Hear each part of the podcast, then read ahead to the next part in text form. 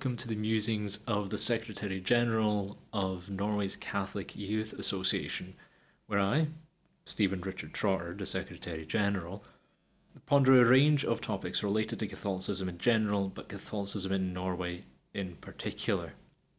Not only has the Catholic Church in Norway been a research interest of mine for many, many years, I've also been an active member of the church in Norway and of its youth association, Norges Unge.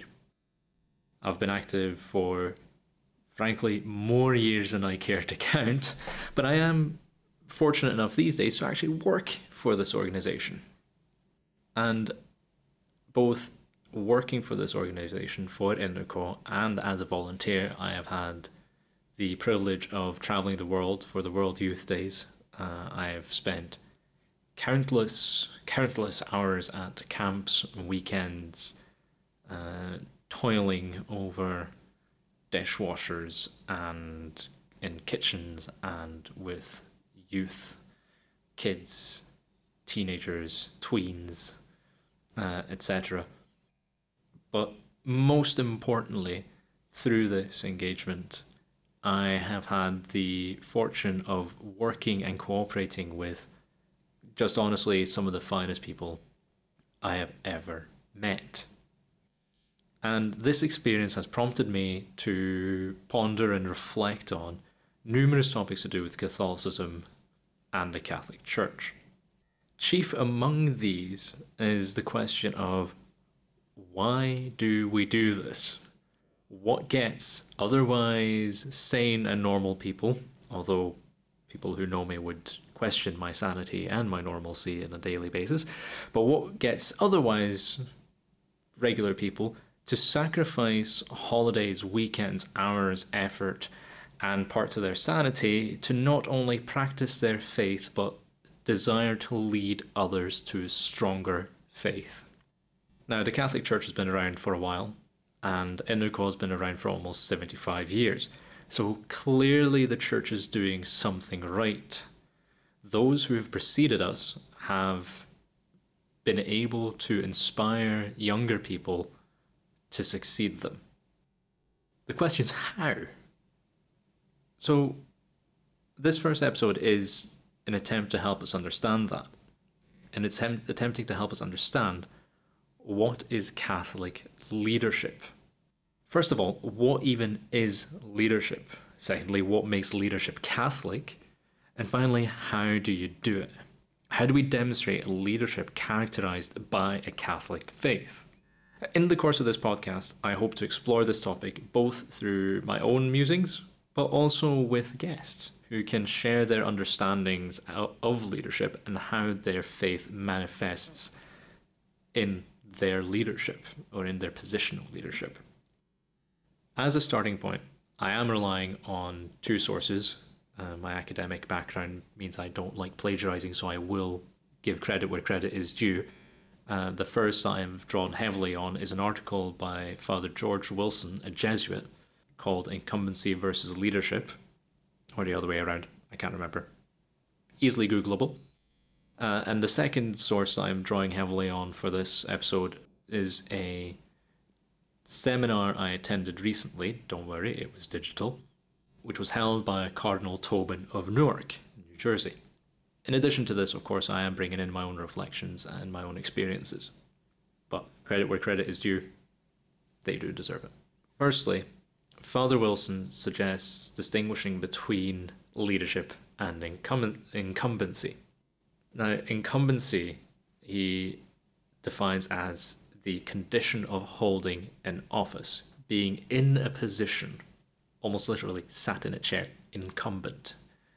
Now, he argues that someone can hold an office and still not be a leader because incumbency and leadership are not the same. Whether you're elected or appointed does not make you a leader, it makes you incumbent.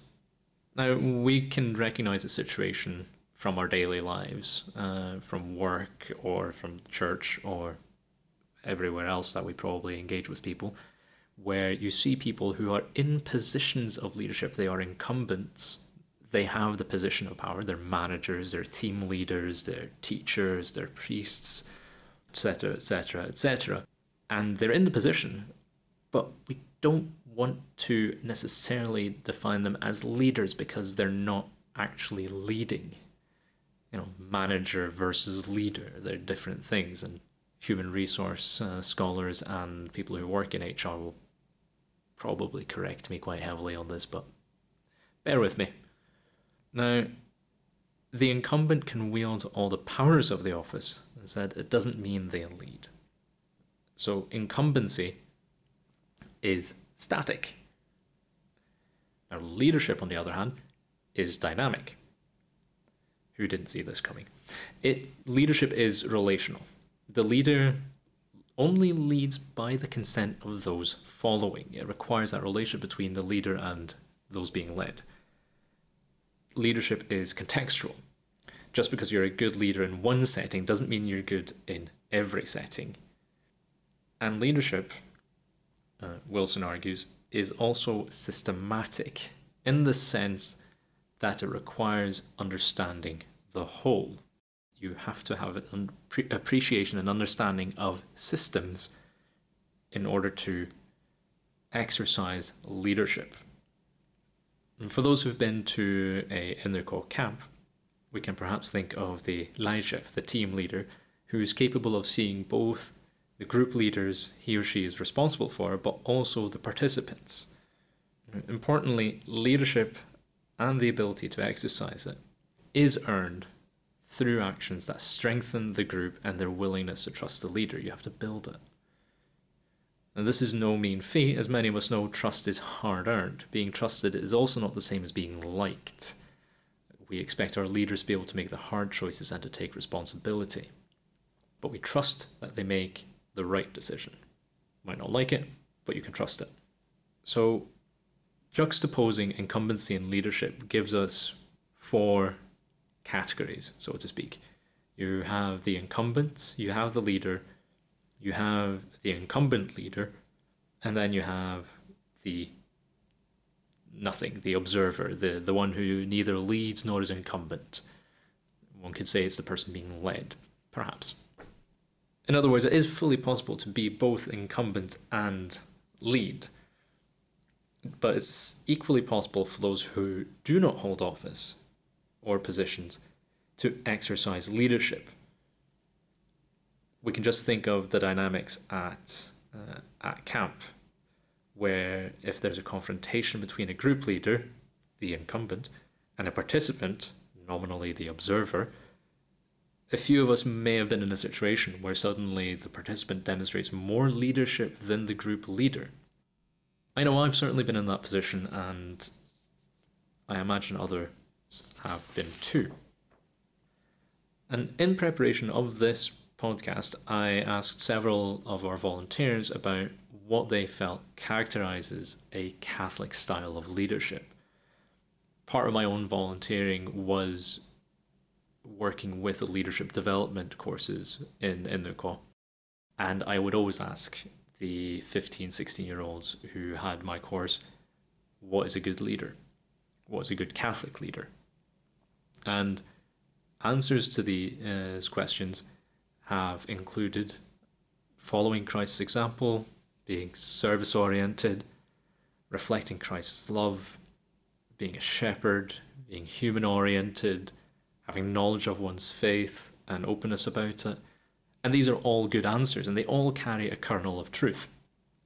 Because looking to Christ gives us a range of leadership styles, and better theologians than me can lecture us on uh, on at some other time how Christ manifests different leadership styles and when they are in the uh, where they are in the Bible. But I want to highlight three styles of leadership that may resonate in particular with us Catholics.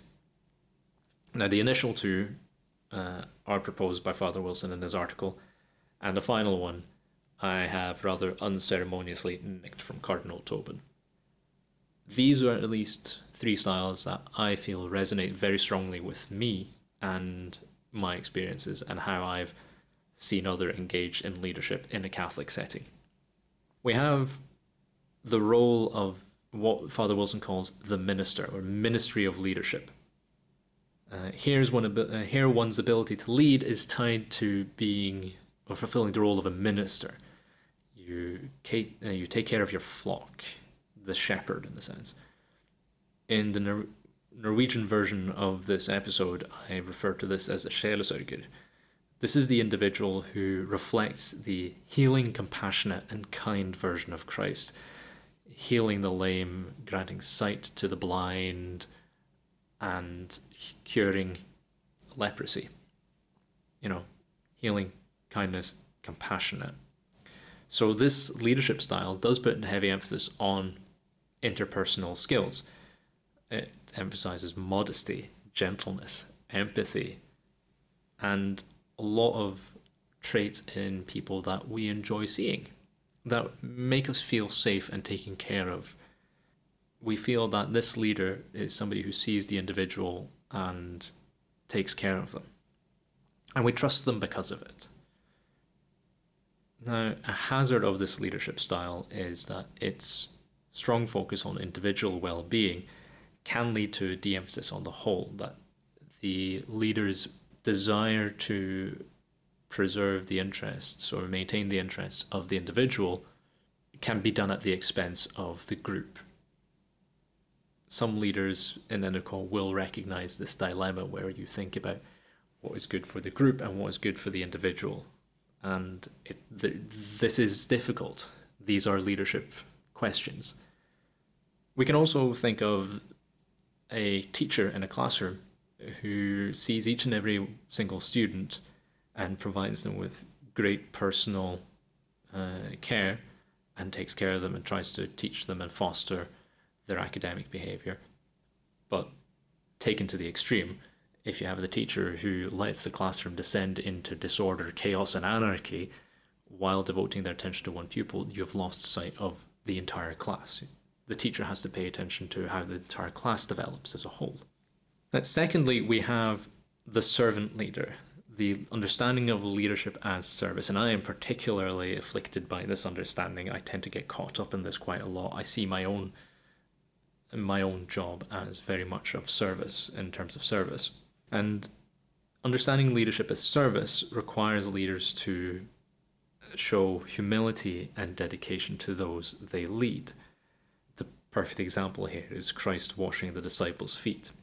This is the priest who's not afraid to do dishes at camp, or the group leaders at the World Youth Day who carry umpteen extra litres of water or an extra hoodie or extra equipment just for the benefit of the group. Now, this leadership style as well does have its own set of perils. You run the risk of overburdening the leader, and they risk burning out because they are so used to giving to being in service and to being servants. They don't know how to receive and they don't know when to take breaks. They get tunnel vision to that sort of becomes focused entirely on their service and how they can serve other people's needs and they forget their own needs. And there's a second more insidious aspect of this leadership style wherein it runs the risk of disempowering those we lead. We see them only as recipients of our service and not necessarily as individuals capable of contributing to the cause. You know, as much as us lay people are referred to as flocks and sheep, we are free individuals and capable of contributing. And leadership does require the active consent of those being led, and by constantly seeing them as recipients of your service, you disempower them and take away their agency. In Norwegian, we would call this a good old fashioned bjørnetjeneste. You think you're doing something nice, but in the long term, it's a disservice. Now, there's nothing wrong with either of these styles of leadership, whether it be in terms of ministry or as uh, service, because as we know, they're both modeled on Christ. And we like modeling our behavior on Christ. There's nothing wrong with that. Now, some may be familiar with the expression imitation is the sincerest form of flattery. I prefer Oscar Wilde's spin on it, and that is that imitation is the sincerest form of flattery that mediocrity can pay to greatness. Again, I'm not impugning the leadership through service or ministry or those styles. I just want to note that attempting to imitate Christ may be a tad tricky. He is a tough act to follow. He's fully God, fully human, and least of all, he worked miracles. And last time I checked, we're just human. In a sense, that means striving to imitate Christ through ministry or service condemns us to mediocrity. Don't get me wrong, there's no issue with mediocrity. I was a very mediocre student. I'm okay with my mediocrity, and that's okay. But we expect more than mediocrity from our leaders. Our leaders shouldn't be mediocre. So, how can we then have a Catholic style of leadership that's a bit more flexible, that allows us to excel and aspire to greatness? And Cardinal Tobin uh, proposed a model of seeing leadership as witness. Here, the leader is someone who follows in Christ's footsteps by living the gospel, but is more reminiscent of the apostles rather than Christ himself. Now, rather than striving to be like Christ, being a witness means letting Christ work through you. There are prerequisites for this style of leadership too. It does require you to know your faith, it requires openness, and it does require maturity. All of which are criteria that we can demonstrate at any age. I've seen this in 15 year olds, I have seen it in 12 year olds, and I have seen it in 25 year olds, and I've seen it in 50 year olds. There is no age criteria here for this style of leadership. And what particularly resonated with me in Cardinal Tobin's description of this style of leadership was that he described it as vocational. It's something we are called to do. And those who know me and have spoken to me about my job know that that is uh, an expression I use a lot in terms of how I feel about my job. It's a calling in my life that I have found and that I absolutely love. I've I feel like I'm in the right place at the right time and I love my job and I'm grateful to be able to have the opportunity to do this job. So being a witness, seeing that a leadership and leadership thereby being vocational means that this leadership style is also deeply spiritual and requires us to be open to the Holy Spirit and letting the Holy Spirit work through us. And being a witness is not just about words, it's also about our actions. Because we need the trust of those we lead, and that trust is built, it is earned. There's an active component to it. We can't just talk about it, we have to do it. And it's all situational and contextual. So it's not always this is going to be relevant and it's not always it's going to apply. But this style of leadership is demanding in another sense as well because it requires authenticity. As a volunteer, I got to work with people involved with World Youth Days from a range of countries and people who work with Catholic youth in their own countries, be it Ireland, Britain, Poland, Italy, Germany, and so forth, and talking about what young Catholics express as a need from the church, what they want to see in the church, the desire they have, and what they expect from the leadership. You know, leadership in the church, both bishops and priests, uh, but also in lay people. And what we come back to is authenticity and authenticity is challenging. As I said, when you have to, being a witness requires knowledge of one's faith, openness, and maturity. It means also knowing where your limitations are in terms of your faith.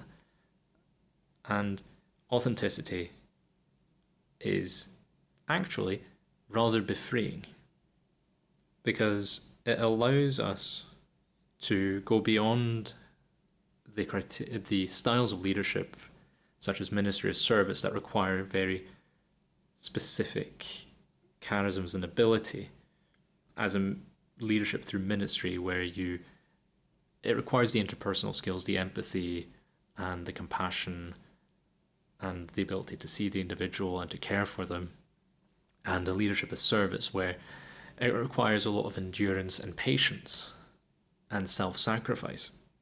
Leadership as witness requires that you are authentic, you're true to yourself, and you use the gifts you were given to the best of your abilities. So, where the other two styles allow us to imitate Christ, leading through witness means letting Christ work through us. And each of us, uniquely created in the image of God, with our own unique qualities, unique set of skills, give us the possibility of exercising a leadership that is uniquely ours. I'm going to end this episode here, uh, but join me next time when I will muse more over the role of the laity in leading the church.